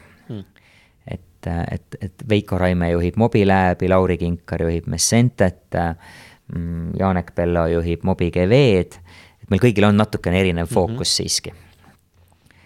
et, et, et see on nagu võib-olla, võib-olla, võib-olla aidanud nagu, nagu kaasa aga kõik on ikkagi omavahel seotud, on ju? jaa, jaa, kõik on. aga kuidas te omavahel nagu, kui on, äh, teil on neli, neli, nagu ma sain aru asutajat? Veljo Otsasoniga teeme siis Super Angel investeerimisfondi, et temaga oleme võib-olla kõige lähedasemalt mm -hmm. teinud, teinud asju, asju koos karjääri jooksul. aga kuidas te vaidlusi või midagi nagu omavahel nagu, kui, kui ongi, sina oled täiesti kindel, et kuule, niimoodi peab olema, tema on täiesti kindel, et ei, vastupidi, et kuidas te neid lahendate mm,? noh, ma arvan, et äh, me anname üksteisele või kõigile piisavalt palju autonoomiat. et igaüks otsustab oma valdkonna asju mm ja loomulikult, kui me vaidleme, siis sõltub sellest, et mis on selle, et mis on see teema või mis on see vaidluse küsimus. et kui ta on mingisugune küsimus, mis, mis väga tugevalt on, on nagu minu valdkonnas või mind, mind, mind huvitav, et, et küll siis tehakse see täpselt nii, nagu mina tahan, aga kui ta on mingi teise inimese valdkonnas, et, et, et siis noh, lõppkokkuvõttes me laseme kõigil teha seda, mis nad tahavad ja milles nad head on mm.. et te põhimõtteliselt olete juba üksteise nagu tugevuse ja nõrkuse nagu teate ja teil on nii tugev usaldus, et kui kui mina oma valdkonnas ütlengi, kuule, niimoodi peab käima ja sina ütled, kuule, ei, ma ei ole nõus, aga ma usaldan sind, et lähme niimoodi edasi mm. -hmm. et umbe, umbes sihuke, sihuke jaoks nagu vestlus, jah? jaa, selliseid vestlusi meil on üsna tihti ei, see on hullult lahe, sest ma kujutan ette, see usaldus on ikka nagu väga noh, see on, see on pikaajaliselt nagu ikkagi sisse nagu äh, tehtud ja, ja te olete nagu noh teate üksteist nii palju juba. ja nagu sa ise ütlesid, äh, startup'ide number üks põhjus enamus, miks laiali lähevad, on tegelikult asutajate tegelikult lahkarvamused ja mina eeldan, et väga palju on seal rahas ka. et alguses me teeme seda kõike tasuta, entusiasmil väga palju ja siis, kui mingisugune raha tuleb, siis hakatakse öelda, kuule, aga mina panin kolm tundi rohkem sisse kui sina ja siis. ja kui neid lepinguid ei ole, siis, siis läheb ikka väga keeru-, keeruliseks nagu, et isegi kui see on su parim sõber või kes iganes ja neid suhteid läheb ikka väga palju nii-öelda metsa. Mm. -hmm. et, et see, et te olete nagu suutnud koos hoida, on ikkagi päris päris, päris põnev nagu, nagu teada, aga nüüd, kui sa neid investeeringuid teed, et mida, mida sina nagu siis otsid asutajatest, et sa ütlesid, et sa saad selle asutajatega nagu see usaldus tekib, aga mis see, mis see usaldust annab sulle nagu, et, et see on õige asutaja, kellesse investeerida, sest sinu investeeringud on ikka praegult ikka väga nagu, no ongi, Transferwise, Bolt, Pipedrive, kui ma ei eksi mm. -hmm. siin on veel, noh, ma pakun välja, see nimekiri on päris suur, kõik äh, siuksed nagu kõik nagu tuntud nimed, vaata jah, pean täpsustama, Transferwise siiski ei ole, aga okay., aga Boltis ja Pipedrive'is oleme varajased investorid, Veriffis hmm. ja noh, tegelikult väga paljudest. no enamus noh. uuemates startup ides.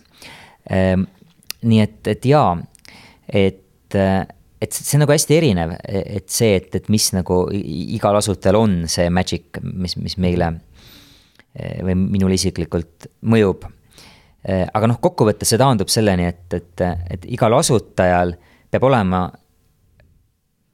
match selle valdkonnaga, mis ta teeb. ehk siis, et näiteks praegu ma võin olla väga hea mm, asutaja firmale, mis ma ei tea, noh, võib-olla tegeleb filmivaldkonnas mm, -hmm. aga ma ei oleks praegu väga hea asutaja firmale, mis äh, tegeleb äh, näiteks mingisuguse arendajatele mõeldud platvormiga et, et seal peab olema see nagu valdkonna match mm. -hmm. ja sellest sa saad üsna ruttu aru paari vestluse tulemusena, et, et mis on, mis on see, mis, mis selles asutajas paneb silmad särama konkreetse mm -hmm. valdkonna suhtes. et, et see on üks, üks ülioluline asi, et meid võib-olla tingimata ei huvita, mis faasis või mis, mis seisus su toode hetkel on mm.. jah, kui sul on maksvad kasutajad, siis see on boonus aga noh, lõppkokkuvõttes meid huvitab see, et, et me teame, et sul kindlasti läheb midagi mingil hetkel pekki ja tõenäoliselt rohkem kui üks kord mm. -hmm. et mis on see asi, mis sind endiselt hoiab selle valdkonna juures, isegi siis, kui sul on korra või kaks või kolm või neli korda pekki läinud. või siis, kui sa saad need äh, seitse või kümme või, või isegi sada ei-d, et mis, mm. mis on see, mis sind just selle valdkonna juures hoiab, isegi kui, kui, kui sul kohe nagu üldse, üldse ei lähe ja pikka aega üldse ei lähe. no see on see põhimõtteliselt siis on ju, tahad seda sisemist miks'i teada? see on nagu hästi tugev peab olema, nagu ma saan aru äh, jah, ma tahaks teada seda sisemist äh, drive'i, mis mm. inimesel on konkreetse valdkonna juures. ja mis ei ole, mis ei tähenda seda, et sa pead olema konkreetse toote juures kinni see ei tähenda, et sa pead olema konkreetse tegemismoe juures kinni, aga sa pead olema pikaajaliselt selles konkreetses valdkonnas kinni ja sa pead, või selles, noh, kuidas iganes seda defineerida, et vahepeal isegi valdkond muutub yeah.. aga sul peab olema see drive, mida sa viie või kümne aastaga ehitada tahad, peab mm. olema tugev aga mis sind, sinu, sind drive ib praegult, sest sa teed nii palju erinevaid asju, vaata jälle. filmid on ju, noh, sa filmidest me natuke rääkisime, aga just investeeringute ja, ja sa küll ütlesid küll, et sulle meeldib seal alustavate äh, ettevõtetega toimetada, aga mis, mis see drive on, on ju, miks mm., miks, miks sulle see meeldib? no tegelikult ongi, ei olegi mitte väga palju asju, vaid tegelikult ongi kaks asja. Et on, on uutesse firmadesse investeerimine, nende aitamine ja, ja filmid, kus mm, -hmm. kus me nagu näeme, et see meie filmifirma California on ka omamoodi startup mm. -hmm. ja nad päris mõnusalt praegu äh, täiendavad üksteist Eh, et jaa, mulle, mulle filmivaldkond tohutult meeldib, sellest me natukene rääkisime mm -hmm. juba ja, ja ma kindlasti näen ennast siin pikaajaliselt äh, toimetamas. Ja minu suur drive on, on jõuda, jõuda Eesti filmidega globaalsele turule täpselt samamoodi nagu, nagu me siin startup community's jõudsime Eesti startup idega globaalsele turule ja ühtlasi siis filmitegijana mind motiveerib teha täpselt selliseid filme, nagu ma tahan teha ja mida ma ise vaataksin ja mis mulle endale meeldivad ja jõuda nendega võimalikult äh, laia vaatajaskonnani um,. Aga jah, investeeringutena mind, mind selgelt drive ib see võimalus, mm, kui, kui e, e, aidata noori alustavaid firmasid. Ja mm, mida varajasemas faasis ma seda teen, seda suurem tõenäosus on, et, et, et sellest minu abist võib mõne firma jaoks olla see make it or break it um,, break it no. Ja mul on see hästi, hästi motiveeriv. Mm.. võib, võib olla mõne firma jaoks selline, selline võimalus neid mõjutada positiivselt. no võttes seda nimekirja, kus, kus, kus sa nagu oled ja tead, et noh, nagu kõik need ettevõtteid ikka enamus inimesi teab, et siis olen kindel, et see mõju on päris, päris suur olnud juba praegult.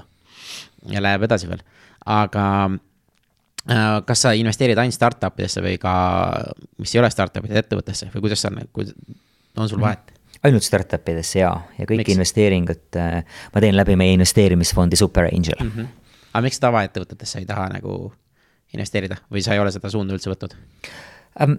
sa jõuad ikkagi fokusseerida elus ainult korraga nagu paarile asjale mm. -hmm. ja, ja see on puhtalt fookuse küsimus. et äh, startup firma puhul, see on küll kõige riskantsem investeeringute klass, kus väga paljud äh, fail ivad ja paljud, mis isegi firmana ei fail'i, nad ei pruugi investorile olla kuidagipidi soodsad, sest nad ei ole teab mis likviidsed mm. -hmm. Küll aga mul on tekkinud tunnetus, et ma tean, mis teeb ühe eduka startup firma ja ma, ma tean neid meetodeid ja ma oskan neid aidata. kui ma võtan mingisuguse muu valdkonna, mida ma nii hästi ei tunne, siis mul see teadmine puudub ja isegi kui see valdkond võib olla väga tulus, nagu kinnisvara või, või, või noh, mingi tavaettevõte, siis ma ikkagi, ikkagi tunnen, et, et, et seda hästi teha, see nõuaks piisavat süvenemist hmm., mida, mida mul hetkel ei ole võimalik pakkuda. Okei okay,, aga on hea, et sa ütlesid, et mis, mis teeb nagu startup'i edukaks või nagu sinu arvates et äh, mis on see, mis mul peaks olema, et kui ma nüüd oma startup'i alustan, et, et see, see läheb nagu positiivselt, mitte ei lähe pankrotti. et sinu arust, mis, mis need, mis need tegev-, mis need faktorid võiksid olla? üks oli nagu asutaja, ma tean juba, et, et mm -hmm. peab olema oma ekspo-, äh, selle nii-öelda äh, valdkonna ekspert, vaata. ja fänn. ja fänn ja peab olema sihuke nagu drive olema seal taga, aga mis, mis veel on mingid asjad, mis sa saad välja tuua? no ma arvan, et see on kaheksakümmend protsenti või üheksakümmend protsenti või isegi üheksakümmend viis protsenti ja mm., ja kõik muud asjad on siis ähm, noh, paljuski tegelikult õpitavad hmm., ehk siis, et et jah, head investorid, head mentorid, hea meeskond su ümber, võime, võime talenti tuua õige turg õigel ajal, õnn, kõik teised mõjutavad ka. Aga jah, et, et kõik algab asutajast mm,. et see, see drive on olemas, aga mida sa näed, mis on need kõige suuremad vead, mis, mis tehakse või tullakse sinu juurde ja siis sa vaatad, oh, süsteem jälle sellised, noh, see on mingid tüüpasjad hakkavad korduma, vaata. või, või ei hakka, ma ei tea. noh, nii ja naa, et võib-olla viis või kümme aastat tagasi oli, oli lihtsam neid, neid, neid vigu, vigu nagu näha, et nüüd mm -hmm. on meil varajase faasi startup'e haridus jõudnud piisavalt heasse, heasse faasi, ehk siis see info, et kuidas mm -hmm. teha, on, on niivõrd laialt kättesaadav, et mhm. praegu isegi on, on, on seda vähem, neid tüüpvigu, et iga, iga firma vead on ikkagi mingil määral erinevad või spetsiifilised. ja paljude asjade puhul sa ei tea ette, et kas see on viga või see ei ole viga mm. -hmm mis teebki seda hästi huvitavaks.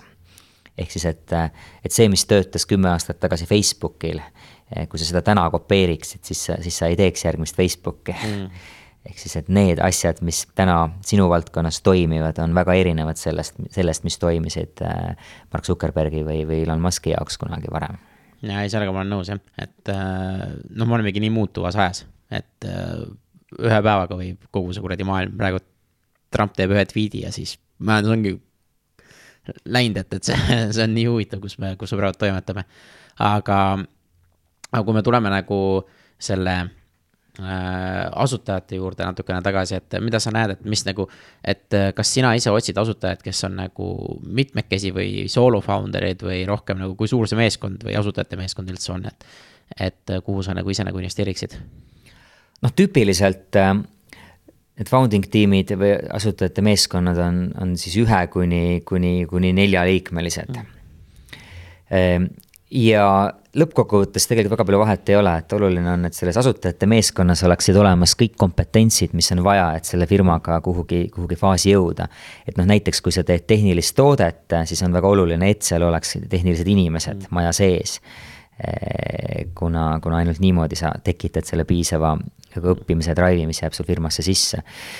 E-, et, et võib-olla üks tüüpviga, mida tegelikult nüüd vähem näeb, aga mida varem tihti nähti, oli see, et, et ma teen küll tehnilist toodet, aga ma outsource in äh, kogu tehnilise arenduse mingisugusest tarkvaraarendusfirmast mm. -hmm. et see peaaegu kunagi ei tööta mm..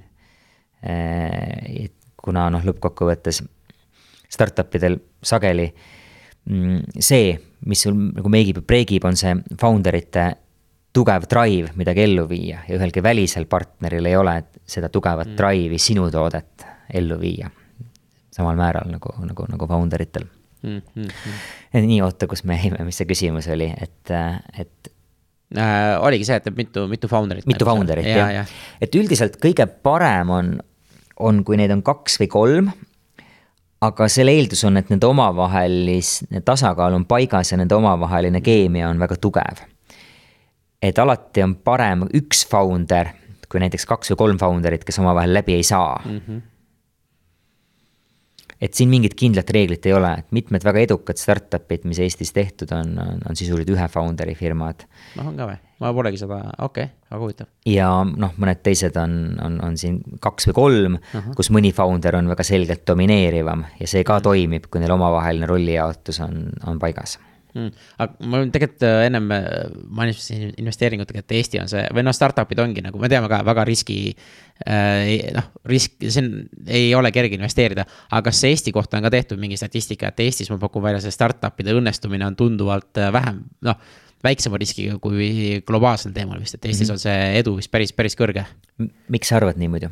ma e-, eeldan sellepärast, et Eestis on, äh, esiteks on vähem neid startup'e ja neid edulugusid on rohkem, vähemalt minule isiklikult tundub nii mm. -hmm. et ma ei tea, kas seda, seda protsessi on protsessi, protsessuaalselt ka tehtud või ei ole mm. -hmm jaa, mm, e-, et jah, tundub, et nii see on ja, ja võib-olla nagu, nagu laiemasse konteksti panduna äh,. seal on ka oma teatud põhjus, et näiteks Silicon Valley's üldjuhul startup'id on ajalooliselt saanud võtta väga palju suuremaid riske mm., sest seal on olnud äh, kapitali kättesaadavus kordades suurem. ja kui sul on võimalik tõsta äh, investorite raha enne seda, kui sa tootega välja tuled, sul on võimalus tõsta sada miljonit või viissada miljonit, äh, siis see üldiselt võimaldab sul võtta ette noh, nagu ülisuuri ambitsioonikaid projekte, näiteks nagu, nagu Elon Musk'i kõik firmad mm, -hmm. Tesla ja SpaceX, mida ei oleks olnud tegelikult võimalik teha, teha Euroopas mm.. aga samas, et, et kui sa ei ole Elon Musk äh, ja siis su tõenäosus ka fail ida selliste suurte projektidega on suurem. samas kui sihuke Euroopa ja, ja Eesti siis sealhulgas, pigem kuna sul kapitali kättesaadavus ei ole olnud väga palju suur, väga suur äh, ajalooliselt, siis sa pigem teed turulähedasemaid asju, millel on kohe kliendi validatsioon olemas. et näiteks Pipedrive'i mm, või, või, või Bolti puhul äh, sa teed mingisuguse rakenduse ja sul juba kuu-kahe-kolme pärast võivad olla esimesed kliendid peal, kes seda testivad ja kes sellest juba kasu saavad. SpaceX-i puhul mm, mm. kolm kuud peale raketifirma tegemist ei ole sul selle raketiga mitte midagi teha, on ju, et sul läheb viita võib-olla viis aastat, võib-olla kümme aastat. Et, et võib-olla ja selle tõttu meie firmad, ka Euroopa firmad üldse fail ivad äh, vähem kui, mm. kui, kui Silicon Valley firmad keskmiselt Um, aga jah, võib-olla see teine faktor on, on, millele ma proovisin mõistatada, et miks just Eesti, et miks Eestist on saanud selline startup'i mekka ka Euroopa mõistes, et meil on miljon, natuke üle miljoni inimese ja meil on siit tekkinud vähemalt neli ükssarvikut mm., ehk siis vähemalt miljardise väärtusega ettevõtet. Eh, et kui sa võtad nagu ükskõik missuguse teise miljoni elanikuga koosluse kuskil siin Euroopas mm, või üldse maailmas, et neid kohti on ülivähe, kus mhm. on selline kontsentratsioon. et jah, Silicon Valley, jah, Iisrael, võib-olla mõned kohad veel aga mm, põhimõte. Rootsis on ka, on ju. Äh, Stockholmis on ka päris hästi jah läinud mm, -hmm. et, et kui seal on ikkagi Spotify, Klarna äh, veel kolm-neli muud asja, iSettle ja paljud teised, mis on ka väga lühikese ajaga tekkinud, et et jah, Stockholm on selline, võib-olla ka Helsingi väga mhm. tugevalt mängunurga alt näiteks mm, -hmm. kus mhm. on tekkinud väga paljud äh, mängude maailma yeah. äh, unicorn'id aga neid, neid ei ole nagu ülipalju, selliseid ja, kohti ja, ja. Euroopas ega maailmas üldse. ei, ma ütlengi, et on... miks see on nii? jah, täpselt. et, et jah, et kas see on puhtalt õnn, et, et kas me suudame ka garanteerida, et järgmise viie aasta jooksul samamoodi läheb, me ei tea, kas see on mingisugune spetsiifiline asi, mis meil on kindlasti see ökosüsteem aitab mm., see, et, et kui meil juba nii palju edulugusid on, et see aitab, aitab sündida ka järgmistel edulugudel, kuna meil on need oskused ja meil on see ambitsioon neid mm. firmasid teha mm aga jah, et mis on veel need Eesti unikaalsed asjad. sest noh, lõppkokkuvõttes me oleme ikkagi ime, imepisike eh, riik, kus meil tuleb aastas mm, ma võin küll numbritega eksida mm, -hmm. aga suurusjärk on õige, meil tuleb aastas umbes viissada uut tarkvarainseneri, samas kui, kui, kui Indiast tuleb neid kolmsada tuhat. Ehk mhm. siis, et, et mastaabid on tohutult erinevad, et see on ikkagi väikene ime, et meil siin on tekkinud nii tugev väga väärtuslike firmade tegemise oskus. mis on täiesti uskumatu tegelikult, oleme ausad, aga noh, mina isiklikult, äh, see on jälle minu, minu hüpotees, aga mina panen selle just tänu, tänu Skype'ile. et äh, Skype oli see, nagu sa enne ka mainisid, kes näitas, et Eestist on võimalik maailma vallutada mm -hmm. ja see inkubaator, et äh, tegi selliseid talente ja minu meelest oli vist, et kui Skype maha müüdi, siis vist järgmised neli aastat kõik startup pitch'id olid põhimõtteliselt ühe sama algusega, et ma olen endine Skype'i töötaja Äh, suuresti kindlasti jah, just, äh, just selle ambitsiooni mõttes ja isegi nagu, nagu mm, e, enamik minu või meie asju, et me, meist ei ole keegi olnud Skype'i töötajad mm., aga see on meile kindlasti väga palju kasuks toonud, see, see, et see on ka meie kõikide expectation level'id nii palju üles viinud mm., et Eestist on võimalik teha asju, mille, mille järgi, mida terve maailm kasutab mm,. mis on minu arust super ja noh, nüüd täna on juba Bolt ja Pipedrive ja Taxify või äh, Transferwise on samasugused edulood ja mina tegelikult olen just selle optimistliku vaatega, et kui üks nendest teeb ka IPO või mis iganes asja, sealt tuleb järgmised kaks, kolm, neli unicorn'i, et see on nagu minu jaoks on nagu suht nagu kindel. Et seal on nii talendikad inimesed juba tööl ja nad toovad maailma talente jälle ja nad on kõik inkubaatorid, et see Eesti ökosüsteem. see on lihtsalt minu enda nagu uskumus, et see läheb aina samamoodi ülespoole, et, et see tuleb nagu väga ägedad ajad on veel ees mm -hmm. noh, see on, see on minu enda nagu sihuke, aga ma lõpetuseks veel küsin sellise asja, et, et kumma nagu, mida sina nagu rohkem nagu pooldad, kas rohkem ükssarvikuid või rohkem selliseid sajamiljonise startup'e Eestisse äh,? ma lõppkokkuvõttes tegelikult noh, majanduslikult äh, on mõlemad väga kasulikud, aga noh, lõppkokkuvõttes sul ei ole tegelikult kumbagi vaja, et jah, et sul võib olla ambitsioon, et et kunagi sa oled väärt miljard või sada miljonit, aga lõppkokkuvõttes see ei ole üldse peamine, sest see on kõigest nagu mingi mõõdik või, või rahanumber. et oluline on, et sa teed mingisugust asja, mille suhtes sa ise oled ülikirglik ja, ja teed seda nii hästi, kui sa vähegi suudad ja, ja siis lõpuks nagu on ülitore, kui sellel läheb ka super hästi majanduslikult, aga lõppkokkuvõttes piisab ka sellest, kui tal läheb täpselt nii palju hästi, et sa saad seda teha edasi elu lõpuni. Hmm.. nii et, nii et noh, minu tunnetus on küll see, et, et, et kõige olulisem on, on, on leida see valdkond, mida sa teeksid, see asi, mida sa teeksid ka siis, kui selle eest saab ainult täpselt nii palju või nii vähe raha, et sa suudad ära elada. Hmm.. Ja sellest piisab. Väga, väga huvitav, aga mind tegelikult hakkas see ka, et, et ma ise nagu tunnen, et, et kui mina kui ettevõtte alustaja või startup'i alustaja, et kui ma võtan invest-, investorite raha, vaata, et siis tuleb just see meeletu pinged peale, et äh, minusse investeeritakse ainult siis, kui must tulebki nagu see ükssarvik või midagi sihukest, aga no ma alguses ei tea, aga siis kui võõras raha on juba mängus, siis see investorite pinged on ka nagu väga suured ja siis nagu minu kui asutaja pinged Äh, ka nagu, kuidas ma ütlen, tööle on keskenduda keeruline või mm -hmm. mõnel on keerulisem, mõnel annab see just drive'i juurde, et, et. et kas sa näed seda, kas sa tunnetad ise ka nagu investorina seda maailma või, või kuidas sina nagu investeering, kas sa võtad ainult need, kellest on potentsiaalsed unicorn'id või, või kuidas, kuidas sa nagu seda äh, piiri? ma tunnetasin neid pingeid jah, võib-olla founder'ina rohkem yeah., kui ma ise otsust-, pidin tegema selle otsuse, et kas tõsta välist kapitali mm -hmm. firmasse või, või, või jätkata niisama. Äh, noh, tegelikult investor ei oota või ei survesta sind igal juhul, iga hinna eest unicorn'iks saama. Mm.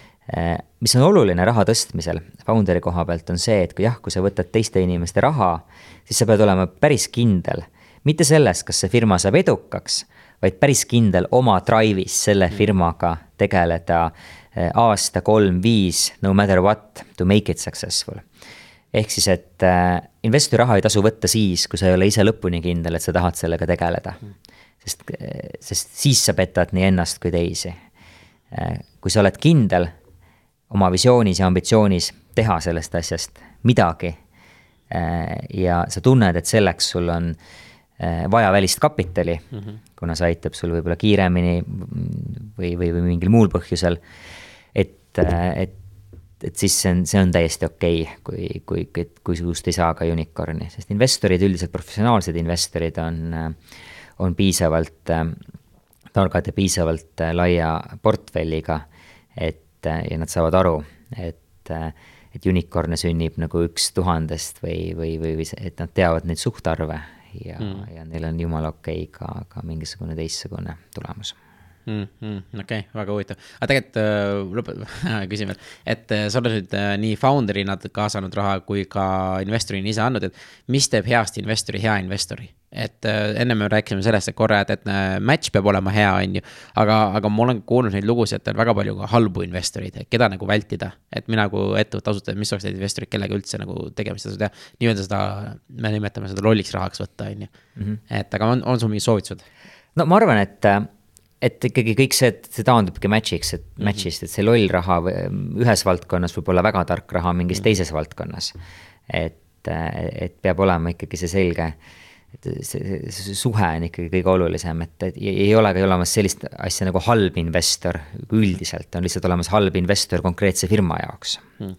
kellega ei ole klappi, kellel ei ole kompetentsi, ei ole teadmisi, ei ole arusaamist okei okay,, väga hea, et siis ongi see match, match vaja kindlaks enne teha, et see on, ma ütlen, investeeringute kaasamine on ikkagi nagu pikk abielu, noh. et äh, tuleb valmis -hmm. olla selleks. nii nad räägivad. ja võib-olla mul endal, noh, investorina veel üks selline mm, oluline mõtteviisi puhul oluline asi on see, et kui sa oled investor kellegi teise firmas, siis lõppkokkuvõttes sinu roll saab olla ja peakski olema ainult nõuandev. et kohe, kui sul tekib tahtmine lüüa käsi külge ja survestada ja, ja panna founder'it tegema seda, mida sina tahad mm., siis üldjuhul mm, sa ei ole enam hea investor. et siis sa pigem peaksidki ise seda firmat juhtima, mitte olema seal investor. Ehk siis, et, et minu moto investorina on väga tugevalt see, et ma saan küll nõu anda, aga lõppkokkuvõttes otsustab ja peab otsustama see inimene, kelle nahk on, on mängus, ehk siis founder ise mm,. super, ma arvan, see on hea Äh, hea viimane lause, mis nagu panna, et, et mul on ka nüüd äh, kindlad küsimused, mida ma küsin kõikide oma saatekülaliste käest. et äh, tuleb, tulevad mõned küsimused veel. Et lähevad kõige, kõige esimene, millega ma alustan, ongi sihuke, et kas sul on endal kindel mingi hommikurutiin, kuidas sa enda päeva nagu alustad alati? ma ei mõtle nagu pesemisest ja söömisest. et on mingid tegevused, mis sind aitavad mm,? mul on, mul on selline rutiin, et, et kuna ma tarbin hästi palju kohvi, et vähemalt sageli kümme tassi päevas oh.. et siis ma ei lähe enne käima hommikul, kui ma olen saanud selle kohvi mm.. Ja, ja samas hommikune aeg on hästi sihuke värske ja mõnus üksi töötamise aeg, nii et et, sageli ma hommikuti, kui vähegi võimalik, ma üritan eh, võimalikult kiiresti saada kohta, kus saab palju kohvi ja rahulikult üksi tööd teha. Mm.. aga kuidas, kui siis, kui sa founder olid ja, ja kuidas, kuidas siis, pakun välja, need äh, hommikud on muutunud. et siis oli natuke kiirem, mul on tunne, ma ei tea ma ei tea, kui ma saate alguses me rääkisime sellest filmiperioodist, et ma praegu nagu tunnengi, et ma olen nagu startup'i founder viimased mm -hmm. kuu aega, kus meil on olnud ka siuksed kaheksateisttunnised tööpäevad ja. ja kogu aeg oled selle teema sees, et, et, et see on üsna sarnane mm. startup'iga alustamise äh, rutiinile. ehk siis, et, et kohvil on siin kindlasti väga oluline roll mis on, mis on see hea kohvi, mida sa tarbid või nagu on, on mingi kindel kohvi, kohviliik ka või, või noh, vahet ei ole, peaasi, et hea on Äh, jaa, ma tarbin enamasti äh, kannukohvi, olgu ta siis äh, Chemex või, või mingi selline must ilma suhkru, piimata, mm, piimata suhteliselt niisugune kange kohvi ja mitte siis nagu espressomasinast, vaid eelistatuna kannust. Mm.. Eestis on siin mm, gurmeekohvi ja, ja kohvipiipul ja mõned sellised kohad, kus, mis seda, mis seda teevad hmm,. väga hea, lihtsalt äh, kohvi, kohvisõpradele teada äh,. järgmine küsimus on see, et, et äkki on mingi teema, millest oleks tahtnud veel rääkida, aga me, me ei, me ei katnud seda, et, et, et tahad rõhutada midagi või. või oma järgmise kümne filmi ka, kavad nagu ette panna või ma ei kujuta ette, et äkki on midagi mhm.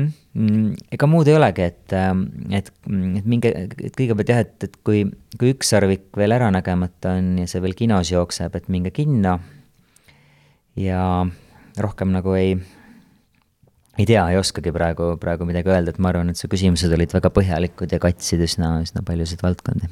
tänud, äh, kaks küsimust veel, üks on see, et kui sa peaksid tagasi äh, kooli või ülikooli minema õppejõuna ja annaksid ühte valdkonda, milles sa ei ole ekspert, mis oleks see valdkond, mida sa, mida sa teeksid? või näeksid, et seda on vaja, vaata, et seda oleks vaja ja sa tahaks ise ka nagu äh, õppida seda milles ma ei ole ekspert, aga milles ma õpetaks. jah, no et, et sa hakkad nagu, näe, et Rain, tule sellest meile rääkima, sa ütled, et sa ei ole veel ekspert, aga siis sa ise ka nagu viid ennast kurssi. mis oleks see nagu, mida sa võtaksid ette? ahah, sellist küsimust küsid kõigilt oma külalistelt. nüüd ma olen hakanud, et see on mul huvitav. okei okay,, ma ei ole kunagi selle nurga alt, alt mõelnud, sest ma, ma väga tugevalt tunnetan, et, et ülikoolides peaks rohkem õpetama inimesi, kes on mingi valdkonna praktikud, et mm. balansseerida What? seda teoreetilist poolt, mis, mis, mis ülikoolid, mida ülikoolid niikuinii pakuvad mm. -hmm. et need oleks omavahel eh, veel rohkem sün-, sünkroonis ja noh, mul tunne tegelikult, et järjest rohkem ongi, vähemalt nendes mm -hmm. valdkondades, kus ma kokku olen puutunud mm,. üks aine, mis ülikoolis võiks olla, mida seal üldjuhul ei ole, on müük. Et meil küll pak-, õpetatakse seal turundust ja paljusid selliseid, selliseid, selliseid valdkondi, aga müük on, on läbivalt üks asi, mida peaaegu igas eluvaldkonnas on kujul või teisel vaja. ja samas ta ei ole ülikooli jaoks üldjuhul piisavalt äh,, ma ei teagi akadeemiline või ei peeta seda piisavalt akadeemiliseks. kusjuures see on jumala huvitav, et seda ei peeta, minu meelest ka see on nagu alustala, ükskõik, et sa ju ise iga hommiku müüd iseendale maha, et miks ma üles voodist pean tõustma, tõusma, on ju, või.